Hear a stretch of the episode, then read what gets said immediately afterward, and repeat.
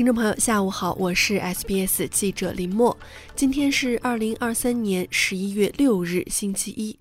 本期 SBS 新闻快报的内容包括：澳大利亚总理将与中国国家主席习近平会面；警方正在搜寻致两名儿童死亡的肇事逃逸者；Centrelink 将招聘三千名新员工，提高服务质量。新州政府设立基金研究电子设备对儿童的影响。以下是新闻的详细内容。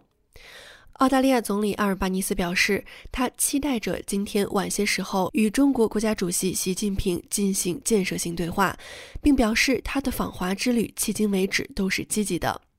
阿尔巴尼斯说，此次访华是一次回顾历史的机会，因为这次访问正值前总理惠特拉姆访华五十周年之际。但总理表示，在这五十年中，中澳关系发生了很大的变化。联邦反对党称，阿尔巴尼斯应谨慎对待中国加入跨太平洋贸易集团的申请。预计总理在北京会见中国国家主席习近平时会提到这个问题。中国国务院总理李强在重要的国际进口博览会上表示，中国打算推进加入跨太平洋贸易协定的进程，并促进中国市场的进一步开放。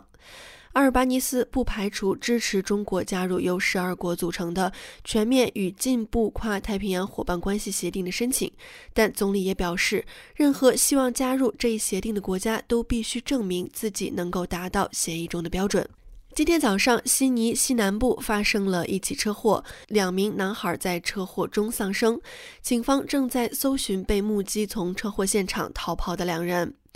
紧急服务部门在接到一辆汽车撞上一棵树和电线杆的报告后，赶往阿什克罗夫特。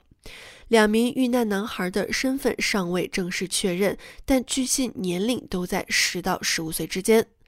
助理专员麦克法登说，车祸发生时车辆的行驶速度显然超过了限速。Centrelink 和 Medicare 将在其位于城市和偏远地区的办事处招聘三千名新员工，以大幅增加人手。这项耗资二点二八亿澳元的招聘计划是根据自动追债计划皇家委员会的一项建议开展的。这一建议旨在使客户得到更便捷、更高效、更贴近用户的服务。有投诉称，客户需要经过长时间的等待才能与 Centrelink 呼叫中心的接线员通话。而且，如果客户不得不多次联系 Centrelink，他们经常会得到相互矛盾的建议。新南威尔士州政府宣布设立一项价值二百五十万澳元的研究基金，用于研究使用电子设备对儿童发展的影响。这笔基金将提供资助，支持研究电子设备对儿童行为、健康和学习的影响，以及解决儿童使用电子设备问题的方法。好了，感谢收听本期 SBS 新闻快报。在任何播客平台搜索“新闻快报”，点击订阅，开启消息提醒，即可了解澳洲国内外新闻及社区信息。